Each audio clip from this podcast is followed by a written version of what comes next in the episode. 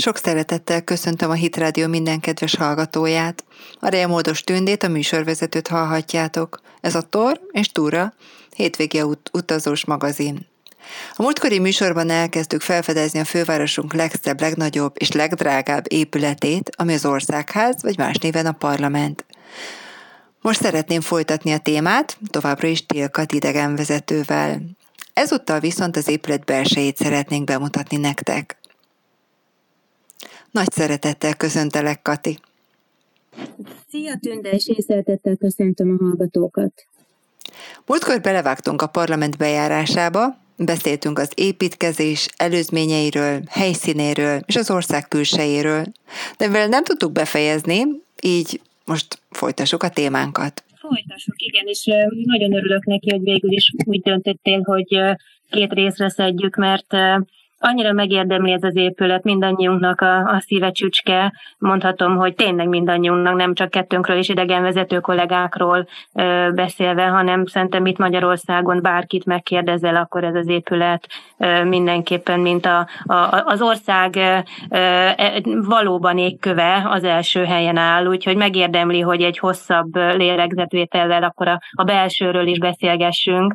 Ö, körbejártuk tényleg a, a múltkori beszélgetés születéskor, láttuk, hogy milyen hatalmas, egy csomó számot is említettünk, adatokat az építkezéssel kapcsolatban, mindenféle adatot mondtunk, hogy hány tömbből épült, ugye azt is, hogy, hogy milyen, hány évig építették. Ez a Igen, akkor elevenítsük fel egy-két dolgot.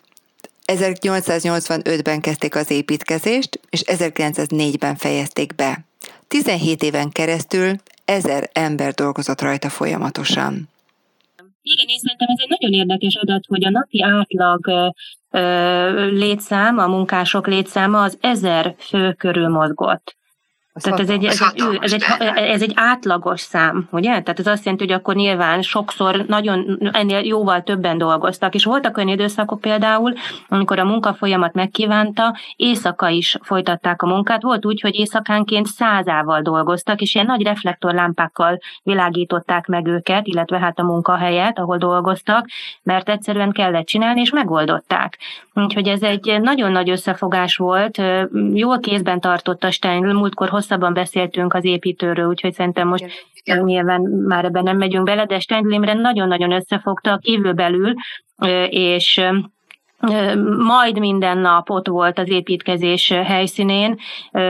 Hát a végén tudjuk, hogy kerekesszékbe került, de nagyon rajta tartotta a szemét, úgyhogy ez egy fantasztikus össz, összjáték, összmunka volt. Nem volt egy könnyű helyszín, erről is beszéltünk a múltkor, mert hogy a parlament épülete nagyon közel van a, a Dunához, úgyhogy azt hiszem, aztán nem is említettük, hogy micsoda fantasztikusan vastag beton alap van az épület alatt. Ugye, és ez is nagyon fontos, mert biztos, hogy olyan épületet, olyan nagyságú és emiatt olyan nehézségű, tehát súlyra mondom, épületet terveztek oda, ami azért egy ilyen folyóhoz közeli területen, hát nagyon, nagyon erősen ki kellett számítani, és biztosra menni, hogy semmi későbbi években, évtizedekben, akár évszázadokban ne történjen kár az épületben. Úgyhogy egy ilyen valóban irdatlan vastagságú, hát ők úgy hívják, hogy beton tányér, vagy beton alapnak is mondhatjuk, egy olyan kettő és öt méter között, ez volt az átlag vastagsága, van ahol kettő, van ahol azért öt méter vastag beton alapot építettek, és erre húzták aztán föl a parlamentet, amiben most majd besétálunk mi, és megpróbáljuk, bár képekben nem vetítjük, mert hogy ez egy rádióbeszélgetés, de hát hogyha az emberek, ugye a hallgatóink el tudják képzelni, aki még nem látta ezt a, ezt a gyönyörű belsőt. Menjünk is be, de ha már választhattunk a 27 bejáratból, én a legszebbet ajánlanám az oroszlánost, ahol a királyok is beszoktak lépni. Mint egyszerű látogatók, úgyis a turisták bejáratán mehetünk be normál esetben, de most így képzeletben megengedhetjük magunknak, hogy a főbejáraton lépjünk be.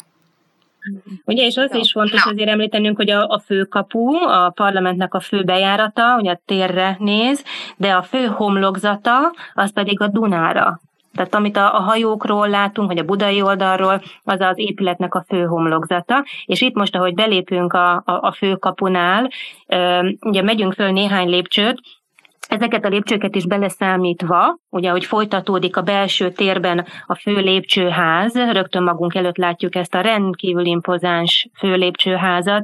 Szerintem mondhatjuk, hogy Steinlennek ez a, ez a főműve itt ezen belül, már úgy értem, hogy a, az országházon belül egy Igen. gyönyörű arányú, gyönyörű ornamentikájú belső tér, és ha az összes külső részen lévő lépcsőket, lépcsőfokokat és a belsőket mind összeszámítjuk, hát ez összességében kiadja 96-ot. Azt hiszem a múltkor erről beszéltünk, hogy a 96-os szám igen, mennyire igen. fontos, ugye, a milleniumi év miatt, mert akkorra tervezték befejezni, és ez a szám, ez, ez több helyen is előfordul, például a kupola magasságában, az is 96 méter, de a 96 lépcsőfok aztán fölérkezik egészen a, a kupola teremig. És hát ez a, ez a főlépcső, ahol, ahogy te is mondod, ez egy királyoknak, vagy magasrangú látogatóknak, delegációknak, magasrangú politikusoknak használják, csak egyébként ez zárva tartják, tehát hogyha normál látogatásra érkezünk, akkor itt nem, nem jöhetünk, egyéb kaput kell használni, de, de ez a legimpozánsabb, ez, ez semmi kétség ahogy beléptünk, rögtön feltűnik a csodás belső, az arany és a márvány. A múltkori adásban nem árultuk el, de most elmondjuk nektek, hogy 40 kg aranyat használtak fel az egész épület belső díszítéséhez, amit aranyfüst formájában vittek fel a különböző felületekre. 24, illetve 22 karátos aranyat használtak fel. Képzeljétek el, hogyha egy aranygyűrűt átalakítunk ilyen füst aranyá, az elegendő lenne akár a Kossuth szobornak a teljes beborítására. Igen, igen a, ha az, az összességéről beszélünk a parlamentnek, összesen is rengeteg helyen használnak márványt és aranyat, de sok helyen majd szerintem az egyéb termekben majd nyilván megemlítjük, hogy hol van igazi márvány és hol van a, a műmárvány, de itt a főlépcsőnél valódi márvány van, ami ugye nagyon súlyos, nagyon nehéz, tehát ez az egyik oka, hogy nem mindenhová építették be a, a, a, a valódi márványtömböket, de itt a főlépcsőnél, hogyha elindulunk a a kupola felé irányába, akkor, akkor abszolút szembetűnő a többféle színű márvány, gyönyörű minőségűek, és itt található ebben a térben az a néhány darab nem magyarországi alapanyag, amit beépítettek a az országház belsejébe, mert ezt, azt hiszem ezt is említettük a múltkor, hogy, hogy kvázi feltétel volt, vagy legalábbis cél, hogy a lehetőségek szerint olyan anyagokat használjanak, ami, ami Magyarországról van, magyar Igen. helyről bányázták ki, magyarok készítették, magyar technika. Na itt látunk néhány kivételt ebben a csodálatos főlépcsőházi környezetben, mert itt van az a nyolc darab ö, oszlop, négy-négy, ugye a két oldalon állnak, négy-négy oszlop, amelyek ilyen gránit oszlopok, ilyen barnás, vöröses színe van, nagyon különlegesek. Ezeket a svéd király ajándékozta a Magyarországháznak, Magyarországnak tulajdonképpen. Összesen azt mondják, hogy Európában 12 ilyen darab is van. Miért is mondjuk, hogy, hogy ilyen darab? Mert a különlegessége ezeknek az oszlopoknak, hogy egy nagy gránit tömbből lett kifaragva. És, és emiatt ezek darabja például 6 méter magas és 4 tonna súlyúak.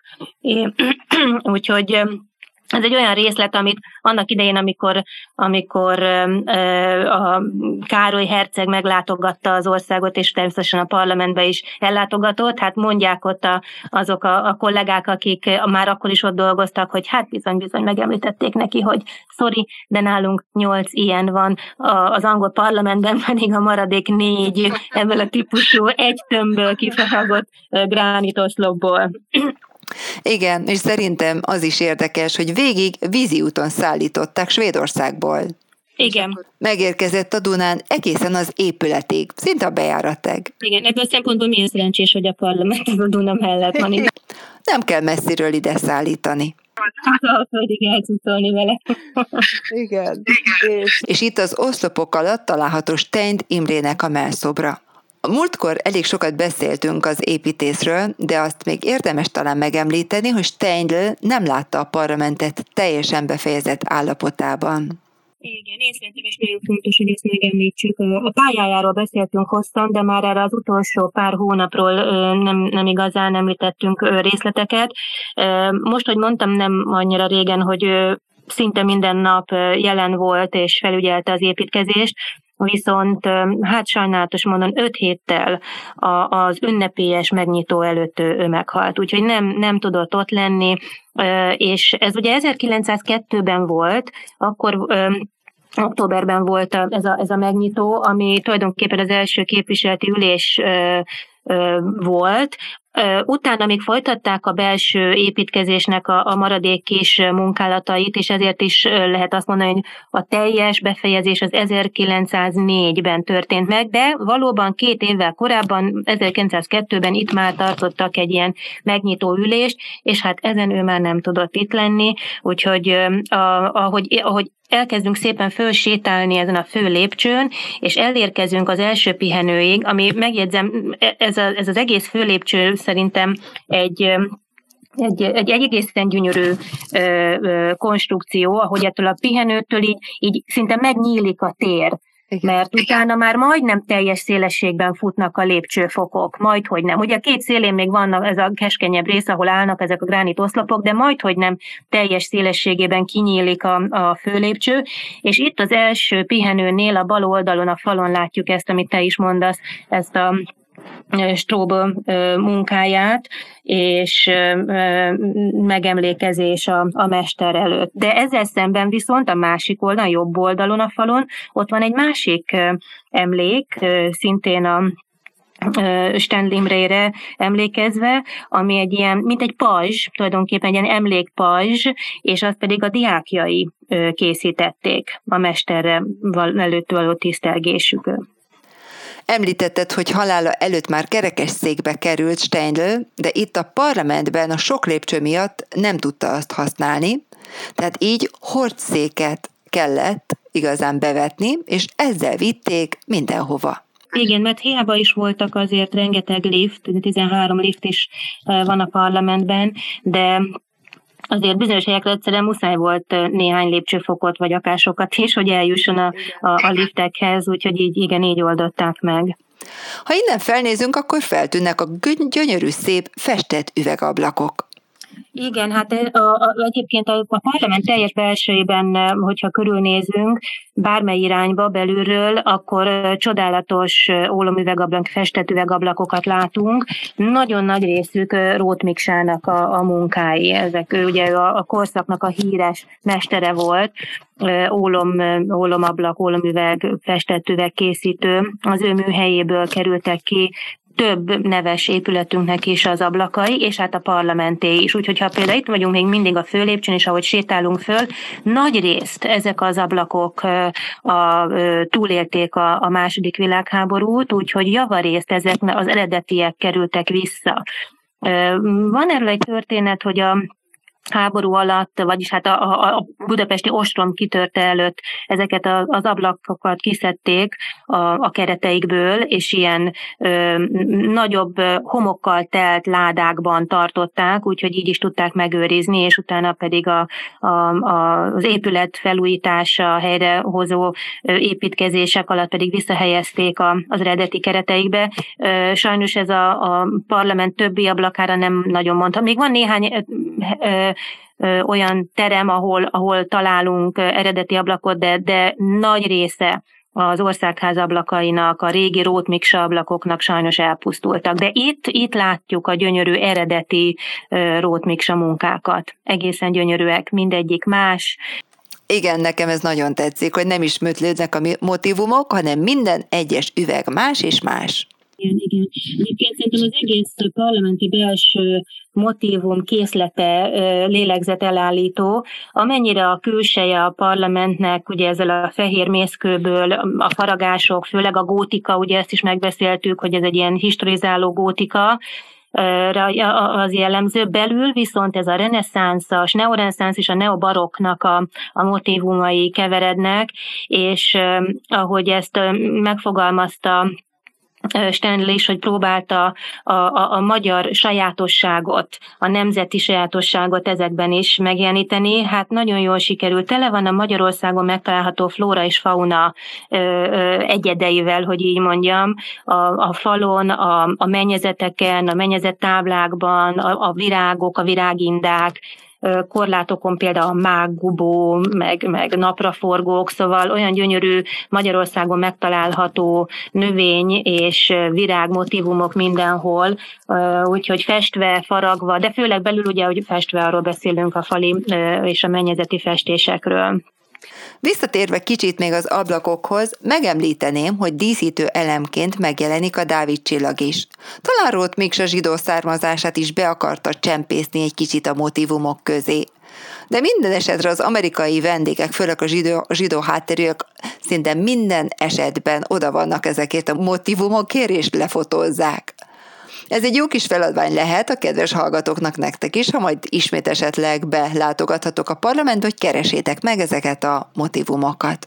De egy nagyon kedvelt motivum, úgyhogy a Dávid csillagot nem feltétlenül, igen, ahogy mondod, ez, ez, ennek van egy ilyen jelentése is, egyébként pedig nagyon sok egyéb épületen, műemléken találjuk ezt a, ezt a Dávid csillag motivumot megjelenik. Nagyon-nagyon kedvelt forma.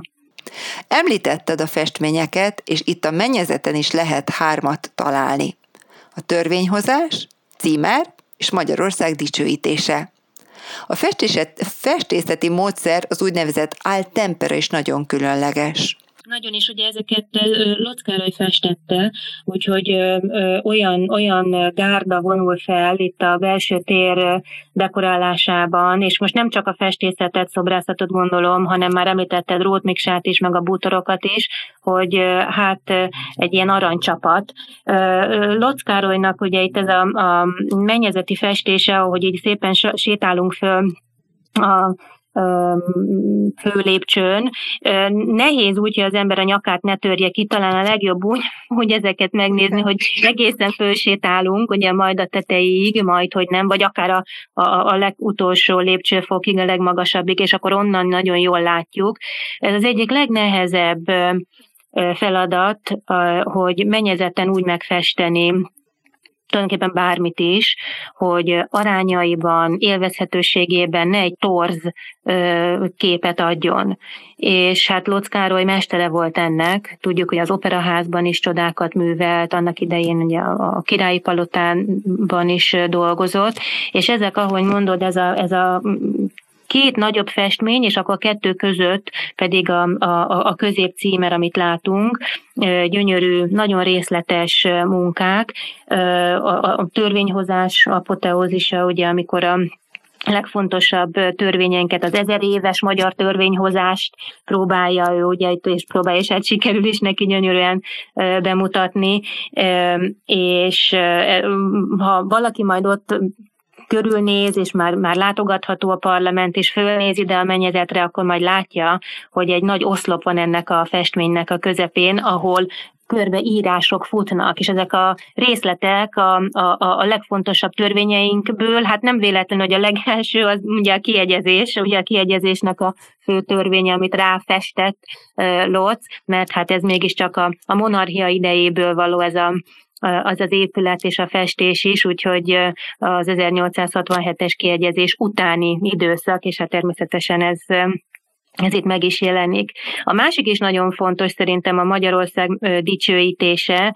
Ott egy, egy nő alakot látunk, ugye ő maga Magyarország, Hungária, és címerpajzsot tartja, de ami szerintem még szintén talán ennél is fontosabb, két olyan alak jelenik meg ezen a festményen, két nagyon fontos történelmi személyünk, az egyik Széchenyi, ugye a legnagyobb magyar, ő felénk fordulva, látszik, tehát őt látjuk az arcát is, de a másik, akinek csak a hátát látjuk, és egy lantot tart a kezében, ő pedig Petőfi. Én szerintem azért ez is egy nagyon érdekes dolog, hogy jó, monarchiában vagyunk, már kiegyezés megtörtént, ugye Habsburg uralkodónk van, de azért ott van az a, az a Petőfi, aki 48-49-ben a szabadságharcban harcolt, és halt meg a Habsburgok ellen. Tehát ez a, ez a gondolat, hogy őt is oda tenni, mert ugye nekünk magyaroknak ő egy rendkívül fontos, nem csak mint szabadságharcos, hanem mint, mint poéta, magyar költő, és, és ott, ott áll a legnagyobbak között, úgyhogy szerintem... vajon, mi, vajon milyen érzés lehetett neki? Nagyon, engem ez nagyon érdekelne, hogy milyen érzés lehetett ez neki, amikor tudatosult, ha egyáltalán, ha egyáltalán ezzel volt, aki a fülébe súgta, hogy ez, ez a hátal álló alak, a lantal a kezében, ő, ő vajon ki is, ja, ez az a Petőfi. Minden esetre nem, szedett, nem szedette le onnan, úgyhogy ez pedig az ő becsületére váljon, igaz? Igen, hogy, hogy ott maradhatott. Igen. És, akkor, és ott, a, ott a címer a kettő nagyobb festmény között, ez pedig egy úgynevezett középcímer, angyalok tartják, ahogy te is mondtad, és itt benne van azoknak a, az ország részeknek a címerei, ami ugye a monarchiához tartoznak, tehát Dalmáciának, Horvátországnak, Szlavónia, ugye akkor ez még a a monarchiához tartozott Erdély, Fiume, és hát ott a Magyarország címere is, úgyhogy ez egy ilyen, egy ilyen közös, hogy úgy mondjam, egy ilyen, egy ilyen közép címer, ami a közös ország részeket szimbolizálja. Azért még elmondanám, hogy ez az áltempera eljárás azt jelenti, hogy a festő összekever festéket, olvasztott viaszt és tojásfehérjét. És ezt viszik fel a mennyezetre vagy a falra. Igen, igen, nagyon érdekes technikákat használtak itt, nem csak a festéssel kapcsolatban, hanem majd amikor beszélünk akár a műmárványjal kapcsolatban is, úgyhogy nagyon-nagyon előremutató volt ez, a, ez az időszak, én azt hiszem, rengeteg újdonság, új technika jött létre ekkor, nagyon ügyesen csinálták. Jó, Kati, szerintem menjünk tovább a kupola csarnokba. Menjünk a kupola csarnokba, és ahogy belépünk oda, mögöttünk hagyjuk még itt a, a főlépcsőnél azt a négy ilyen horgonyzott figurát, két-két figurát látunk, akik tartják, ők, ők ilyen kis apródok, szobrocskák, és mindegyik tart egy darabot a koronázási jelvényeinkből, és hát akkor az igazikat pedig majd, majd a kupola csarnokban látjuk. Ide most belépünk, és beérkezünk a, a parlamentnek a, a, a szimmetria közepébe. Ez egy gyönyörűen megalkotott tér. Körbe oszlop, oszlopok futnak, ugye ez a, az a kupola csarnok, ahol tervek szerint a közös üléseket tartották. Ugye Magyar Országház annó két kamarás volt, volt a képviselőház, meg a, meg a felsőház, és itt tartották a, a, a közös üléseket. És hát ma már, miután nincsenek ilyen közös ülések, hiszen egy kamarás a Magyarország ülés, különböző ünnepségeket tartanak, kezdve akár a karácsonyi gyerek ünnepségtől kezdve folytatva az egyéb olyan állami ünnepségeket, amikor különböző díjakat adnak át, a kitüntetéseket adnak át, magyar művészeknek, tudósoknak, bárkinek tulajdonképpen. Úgyhogy itt, itt ez egy nagyon szép tér erre, és hát ilyen célból is lett a, a belső forma, a minta, a díszítés kitalálva. Ugye itt is, hát ha, ha van idő, akkor itt ugye órákat lehet a, a magyar történelemről beszélni, Igen. és nyilván az se jó, hogyha nagyon az ember a részletekben elmerül, tehát mondjuk kézenfekvő, hogy az ember körbenéz, látja rögtön ezen a ez egy 16 szögletű, ez a körfolyosó, ami a, a kupola ö, csarnok körül fut, és ö, a 16 uralkodó szobra díszíti, tehát minden egyes oszlopon van há, tulajdonképpen három szobor, de a, a, a középső a főszobor az, amelyik az uralkodó szobra, és akkor a két oldalán egy-egy kisebb ö, ö, ö, figurát látunk, ezek általában ezek mind ilyen kisfiú, apród szobrok, és ők tartanak a kezükben egy-egy az uralkodóra jellemző ö, tárgyat. Ö, tényleg most nem megyünk nyilván végig az összes uralkodón,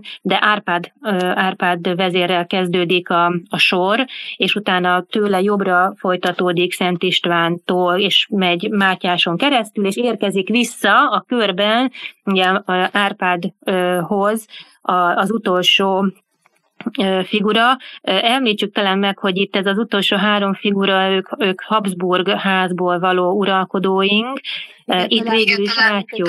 Itt egy párhuzamot lehet vonni a hősök terével, hiszen szinte ugyanezeket a szobrokat, uralkodóknak a szobrait lehet látni, a Habsburgoknak a kivételével, és itt még, ami megjelenik, Árpád ősatyánk szobra.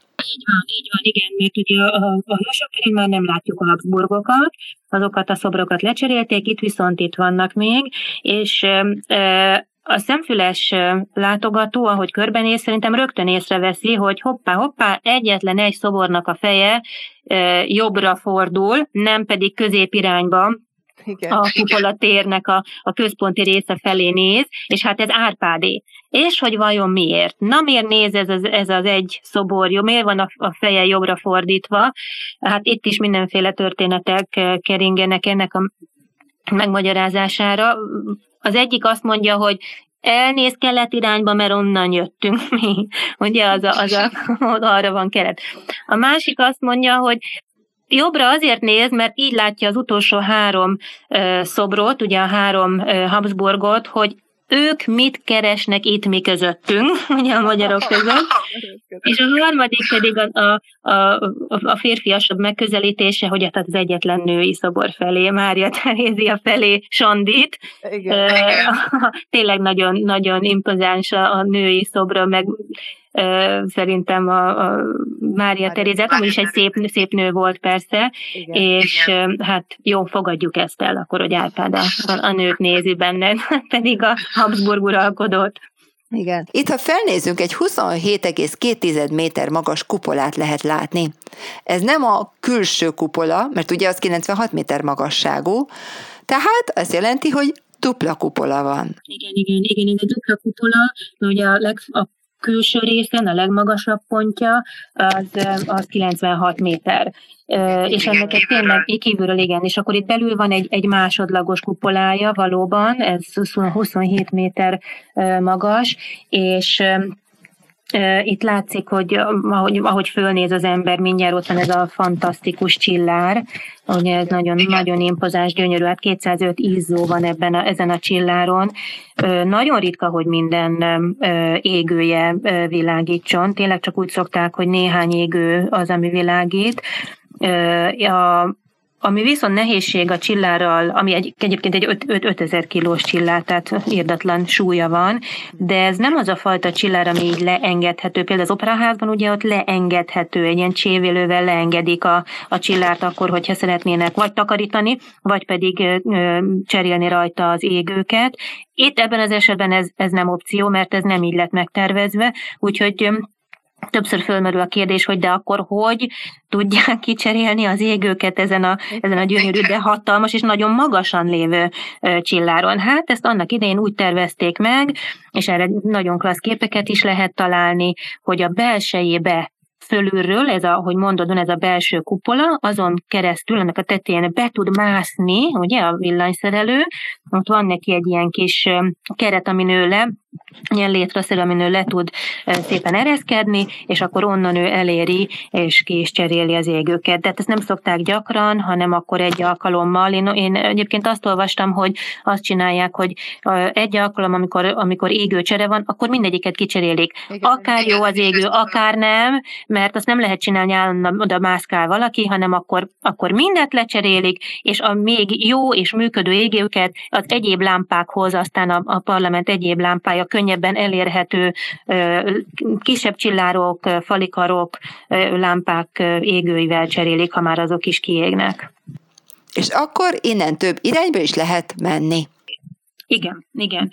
Hogyha elindulunk, még mielőtt innen tovább mennék, és csak nagyon röviden említsük meg, hogy van két olyan terem a parlamentben, ahova hát normál halandó nem nagyon jut be, mert nem része a, a parlamenti épületlátogatásnak.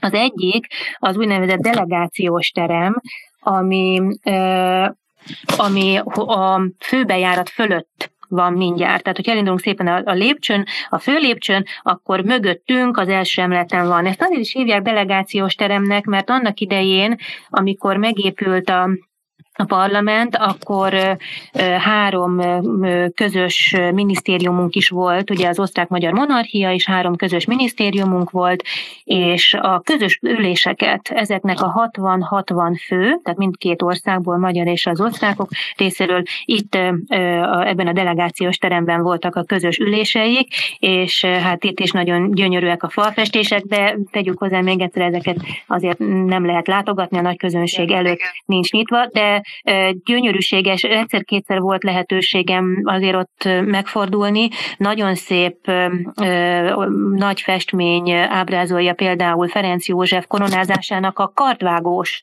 jelenetét, amikor a négy irányba a kardjával suhint, jelezvén, hogy kész megvédeni az országot bármely irányból jövő támadástól, úgyhogy ez, ez például a delegációs termet díszíti. A másik ilyen terem, az pedig a ha a kupola csarnokban állunk, és még nem indulunk el bal vagy jobb irányba, hanem csak előre tekintünk, ott van egy, egy nagyon szép fa ajtó, ami mögött a vadászterem található. A vadászteremről biztos már sok hallgató, még ha nem is látta, de azért hallott róla, ennek egy csodálatos Dunára néző hosszú balkonja van, és ez is egy ilyen reprezentációs terem. Annak idején egyébként ez a nagy ebédlője volt az országháznak, itt volt, még van is ételliftek, ahova fölhozzák a, a, a, a alsóbb szinten lévő konyháról az ételt.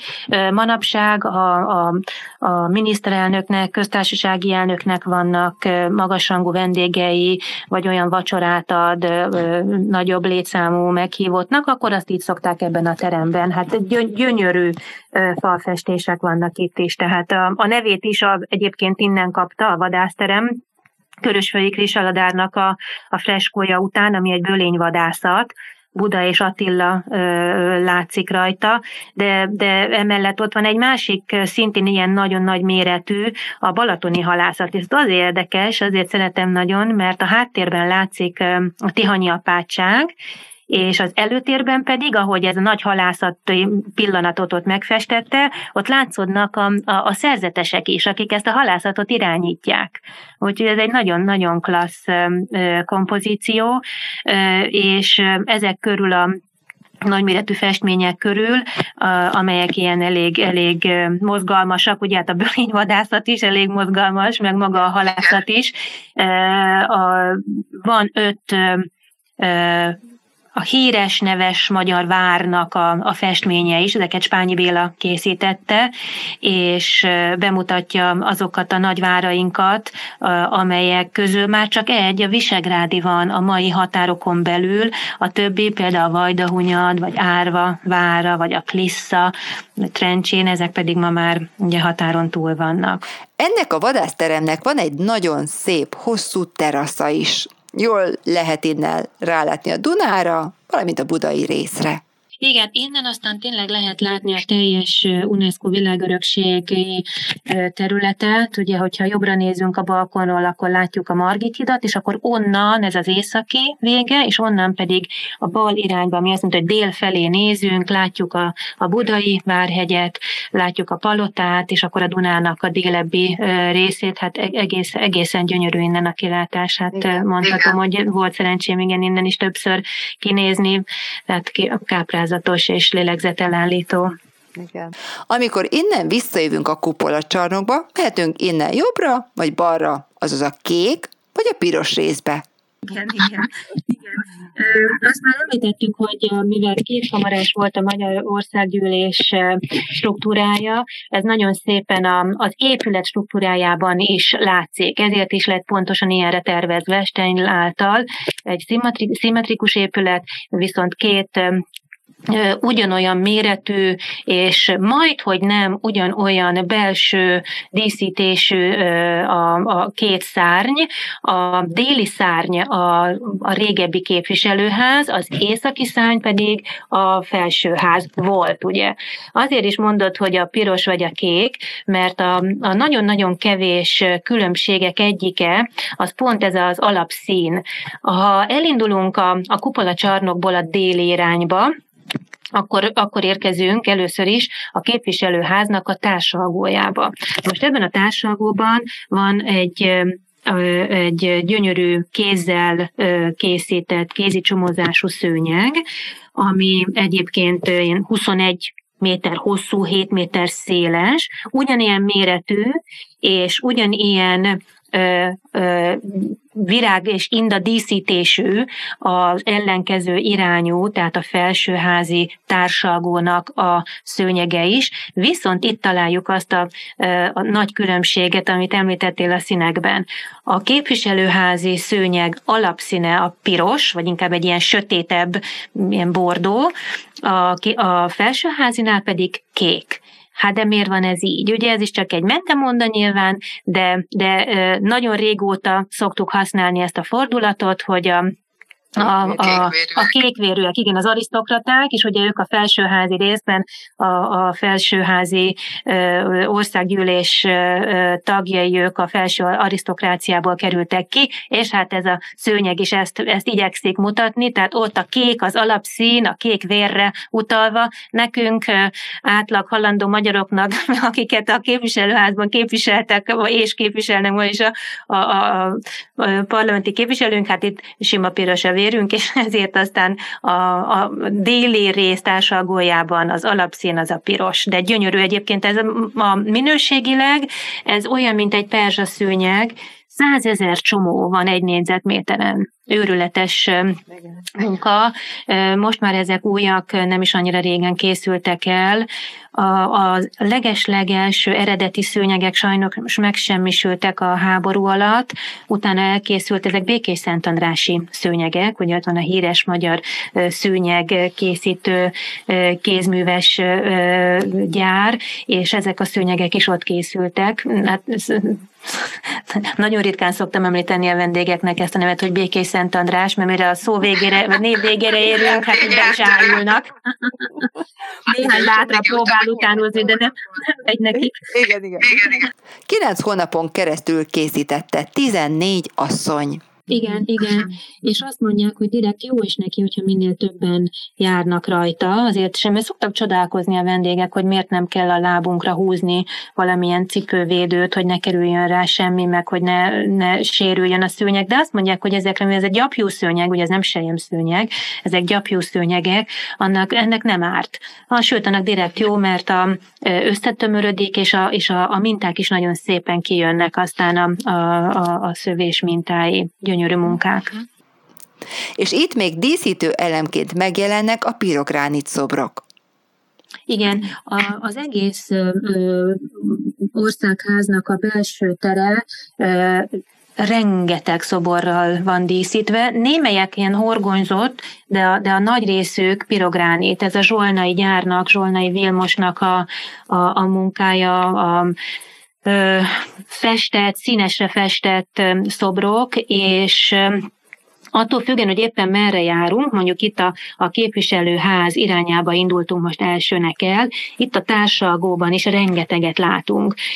Itt az oszlopokon a, a, akár a reáltudományok, vagy az ipar és a kereskedelem különböző ágazatainak a, a, a, a megjelenítő szobrait látjuk.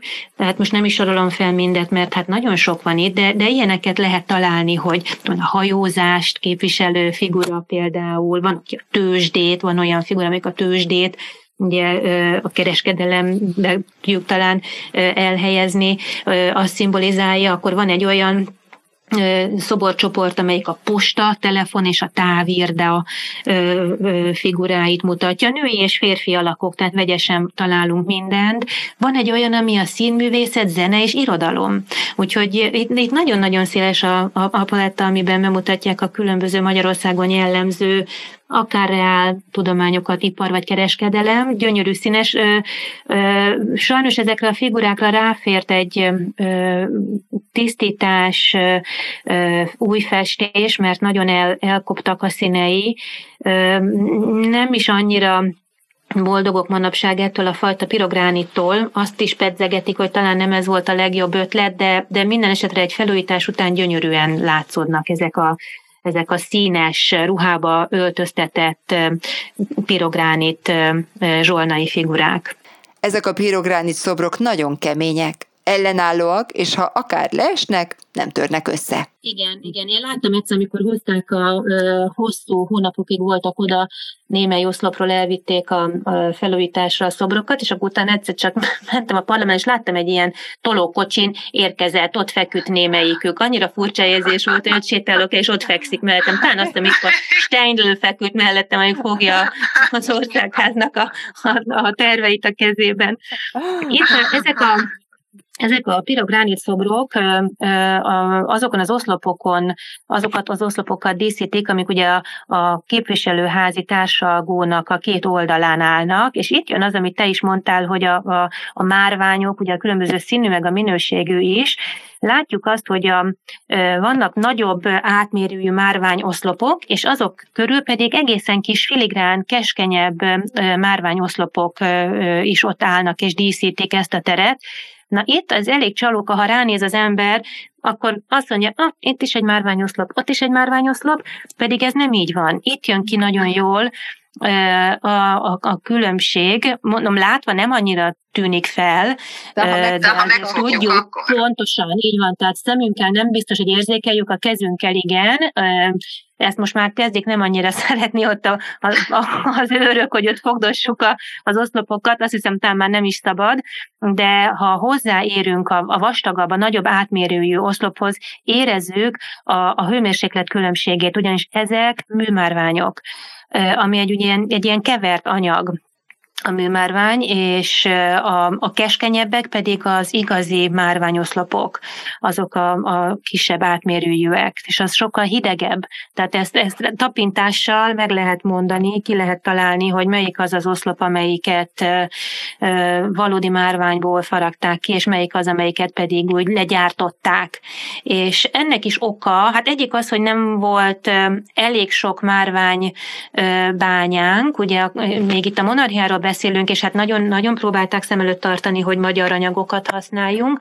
A másik pedig a súlya nem is akarták nagyon megpakolni az épületet ezzel a rendkívül ö, nagy súlyú, hát a márvány azért tudjuk jól, hogy, hogy nehéz, nagyon, nehéz. Nagy, nagyon nehéz, nagyon nagy súlyú, és ami mennyiség, falidész, falak, oszlopok, ha ezt mind valódi márványból tették volna be az épületbe, hát nem merték azt megkockáztatni, még, még akkor se, hogyha tényleg jó vastag beton alapot húztak föl az épület alá. Úgyhogy ezért aztán úgy döntöttek, hogy egy viszonylag új, annak az időszaknak a, a találmányát fogják ide behozni, és ez a műmárvány. Ami, ami abban az időben, mivel, mivel új találmány, hát ez a mai napig is azt hiszem egy simán érvényes, hogy bármi, ami újdonság, az, az a már meglévőnek sokszorosába kerül. Uh-huh. Ugye én, a vendégeknek mivel tudja legjobban érzékelni. Hát én szoktam nekik mondani, hogy ha az iPhone-t összehasonlítjuk, azért egy iPhone 4, 5, 6 vagy egy 7-es mennyivel olcsóbb, mint a mostani iPhone mondjuk 11, ugye? Vagy talán már van 12, és már ne, én nem is tudom, de, de ugyanarról a dologról beszélünk, mégis az újdonságokat beleteszik, hát sokszorosa az előzőnek. Hát ugyanígy van ezzel a műmárványjal is. Azt mondják, hogy legalább négyszer annyiba igen, került igen, legyártani egy ilyen műmárványt, mint egyébként megvenni valahonnan máshonnan a, a, a valódi márvány mennyisége. Úgy tudom, hogy lószört, meg márványport is belekevertek ebbe az anyagba. Igen, igen, így van, így van, ez egy ilyen nőkőszerű, és tényleg lószőr is van benne. Úgyhogy ez egy nagyon vegyes technika, nyilván ezért is került nagyon sok pénzbe, de ez is nagyon szépen mutatja, hogy ez az időszak nem a spórolásról, meg ez a, ez a ma úgy mondanánk projekt, az opera, vagyis opera, hát az országház építése nem arról szólt, hogy spóroljunk az anyagokkal, hanem lehetőleg beletenni a, a legmodernebb technikával elérhető anyagokat, és inkább kifizették a, bocsánat, a négyszeres pénzt is. Hát igen, hogy méltó legyen Magyarországhoz. És akkor innen menjünk tovább az üléstermek felé.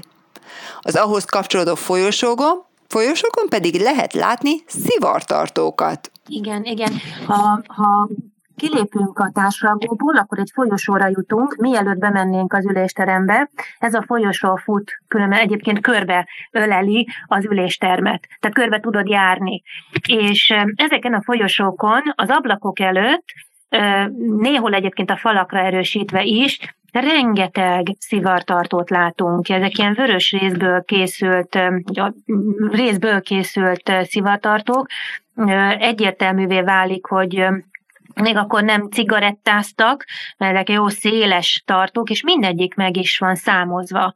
Ugye annak idején rengeteget, mert szerintem ma is, ma cigarettáznak, annak idején szivaroztak, és az meg is engedett tevékenység volt az országházban, viszont az ülésteremben nem vihették be. Tehát onnan legalább onnan kitiltották a, a füstölőket, és ha egy-egy ülés idején közben mondjuk a képviselő kijött a folyosóra a szivarját elszívni, de, de menet közben valami olyan felszólalás következett, amit mindenképpen meg akart hallgatni, akkor ugye a szivarját letette erre a tartóra, megjegyezte a számot, hogy hol is az ő szivarja, és akkor a a beszéd után ki tudott jön, és megtalálta a saját, hát addigra már jócskán leégett, vagy nem jócskán, attól függ, hogy mennyire volt érdekes. Igen, attól függően, hogy milyen minőségű szivar volt. Egy kubai esetleg. Igen, át egy, hogy milyen minőségi szivar volt, át kettő, milyen hosszú volt a beszéd? Hát három, az a beszéd, hogyha hosszú is volt, de nem volt érdekes, akkor ott hagyta. Tehát ettől függött, hogy akkor a szivar talál, aztán a visszatérő képviselő, aztán a végére volt is már egy, egy ilyen mondás közöttük, hogyha ha nagyon jó volt a, a, a felszólaló beszéde, hosszú is volt, és bár előtte egy, egy igazi jó havannára gyújtott rá a képviselő, de mindenképpen érdemes volt bent maradni a teremben is végighallgatni azt az érdekfeszítő beszédet, akkor mondták azt, hogy na, ez megért egy havannát. Még az sem volt baj, hogyha a havanna szivar egészen apróra elégett, nem teljesen ugye azt mondják, de hogyha egész kicsire éget, nem számít, ez megért egy havannát is. Igen, egy havannának voltára, hát most sem olcsó. Innen a folyosóról bemegyünk az ülésterembe, ami tele van gyönyörűen faragott szlavon tölgyel. Szerintem emiatt sem vihették be a szivarokat, mert azért az elég tűzveszélyes lehetett volna. Igen, igen, igen. Ha belépünk, akkor egy ilyen tipikus üléstermi formát látunk magunk előtt, ez a patkó alakú ülésterem, körbefutnak ugye patkó alakban a sorokban a, a, a székek, és ahogy mondod, egy ilyen gyönyörű szlavóniai tölgyből készült a belső ö, berendezése, nem csak a bútorok, hanem a fal, a fal ö, fali ö, díszek, akkor a pulpitus. Ez egy nagyon jó minőségű fa anyag, nagyon jól lehet faragni, azt mondják, nincsenek csomók benne, emiatt is nagyon szépen kiadja a, a faragást, úgyhogy nyilván ez is oka lehetett annak, hogy a, a, a szivarokat innen kitiltották helyesen, azt kell mondanom. Itt található a 387 képviselőnek kialakított patkó alakú tér székekkel és felhajtható asztalkákkal. Rajtuk négy gomb van. Igen, nem, tartózkodom, és szót kérek. Igen, igen. Most már sokkal kevesebb, úgyhogy ki is vettek innen sorokat, meg székeket. Ugye most már 199 képviselőnk ül a, a parlamentben, úgyhogy ehhez idomították a, a belső tér szék létszámát is. Nem csak a székeket látjuk, amik egyébként bő vagy bőrülések, ezek ilyen felhajtható ülések, ahogy az ülés is, ugye, ahogy mondod, az asztalka is így félben föl, ráhajtható a, a felső részre, és már itt is megtörtént a modernizálás, tehát minden képviselőnek van egy kis csipkártyája, azt bele kell helyezni minden egyes asztalban. Az alsó részen ott van ez a chip leolvasó, azt neki oda be kell helyezni, és attól kezdve a rendszer látja, hogy ő ott van, attól kezdve már a gombokat is használhatja, amikor szavaznak, amikor szót kér, úgyhogy ez, ez feltétele annak, hogy a, nem csak a személyes részvétel, hanem aktívan részt tudjon venni a parlamenti munkában. A középső részen pedig egy kisebb patkó alak van, ahol nagyobb, kényelmesebb székek vannak elhelyezve a minisztereknek, illetve a miniszterelnöknek középen pedig ott ülnek a gyorsírok. Ez nagyon érdekes szerintem, hogy a mai napig a gyorsírok lejegyzik a parlamenti üléseket.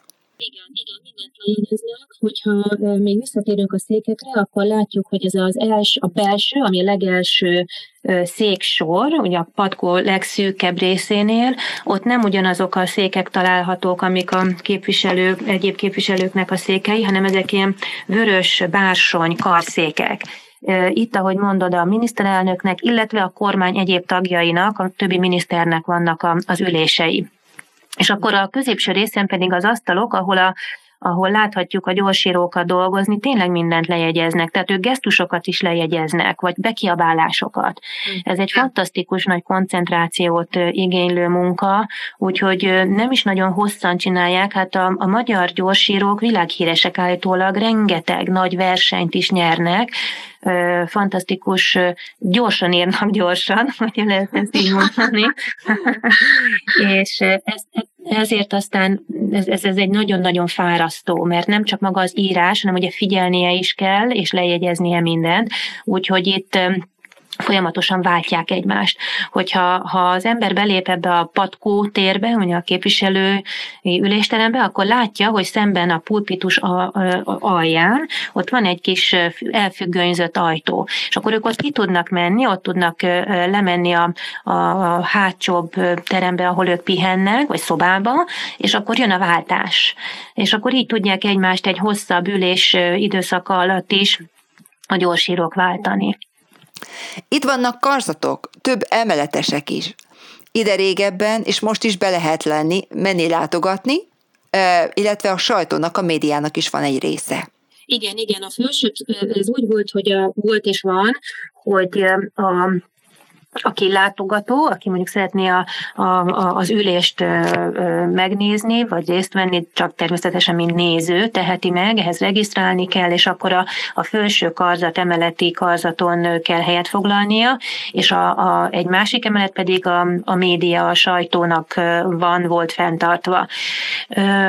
A régen például a közvetítették is élőben, most már ez, ez, ez nem szokás a, az országgyűlésnek a, az üléseit, és a, a jelenlét ez a mai napig megengedett. Jó, most nem a járványos időszakról beszélünk, amikor persze minden zárva van, de a felső kazatokat direkt ezért is tervezték így, hogy jóval magasabbról, ez egy őrületesen magas tér, hogyha beérkezünk ide és fölnézünk, hát fantasztikus, ez, ez 17 méter magas ez, ez az egész, meg 23 méter széles, tehát egy nagyon nagy méretű ülésteremről beszélünk, és például, hogyha a, így magunk elé nézünk, és még mindig csak azt látjuk magunk előtt, hogy ott a patkó, látjuk középen az asztalokat, a, ahol írnak a gyorsírok, látjuk velünk szemben a pulpitust. Nagyon kell figyelnünk és koncentrálnunk egy bizonyos pontra, hogy meglássuk a pulpitusnak a front falán egy kis mélyedést. És akkor ott, ott, látjuk azt a golyónyomot, amit nem nem is javítottak ki, nem restaurálták, nagyon szép ott a faragás különben, de meghagyták ezt a sérülést, ami emlékeztet mindenkit arra, hogy bizony-bizony még itt egy-egy ülés alatt is történhetnek agresszív támadások, mert annak idején Tiszát támadta így meg az egyik ellenzéki képviselő, és innen csatolnék vissza a, a karzatra, mert ő pont ott ült fönt, valahogy mégis be tudott jönni, bár nem volt már jelen ellenzéki képviselő, és fönt, fönt volt a, a magas karzati ülésen, ahonnan ő aztán elő, előugrott, és hát négy lövés is eldördült akkor. Szerencsére nem találta Tiszát el, az egyik golyó belefúródott ebbe a pulpitus frontfalába, és a három lövést intézett a, abba az irányba, Tisza felé, és a negyedik pedig hát ön saját maga ellen fordította a fegyvert, de nem, nem lett baj a szerencsére, tehát nem lett halálos kimenetelű, sőt a végén még őt fel is mentették, mondván, hogy nem volt tudatában, hogy bomlott elme eredménye volt ez a, ez a támadás, és ez, ez a golyónyom ez a mai napig ott látszik. Ezután az izgalmas esemény után be kell fejeznünk a parlamenti történeteket, érdekességeket, mert sajnos lejárt az időnk. Pedig hát azért még tudnánk folytatni, még jó néhány témáról, de még akár erről a teremről is. Ennyi fért bele a mai műsorunkba, remélem ez is valamennyire segít elképzelnünk, illetve talán megjegyeznünk, hogy amikor majd eljutunk oda és be tudunk menni az országházba, mit nézzünk meg alaposabban. Általában minden év augusztus 20-án ingyen van látogatási lehetőség, legalábbis a koronáig el lehet menni, tehát a kupolacsarnokig, és ahogy oda, odáig eljutunk, akkor a főlépcsőházat is látjuk, és azt a rengeteg aranyat is márványt, ami mindenhol megjelenik. A múltkori műsorban beszéltünk Stenl Imréről, az építészről, az építkezésről és magáról az épületről, főleg a külső részeiről, most pedig a belsét beszéltük át. Nagyon szépen köszönöm Tél Kati idegenvezetőnek a tárlatvezetését, köszönöm Kati a segítségedet. Igen, nagyon örülök, hogy beszélhettünk erről a gyönyörű épületről. Köszönöm a hallgatóknak is a figyelmet. Kedves hallgatóktól tőletek is búcsúzom. Köszönöm a figyelmeteket, minden jót kívánok nektek. Sziasztok! Sziasztok, viszontlátásra!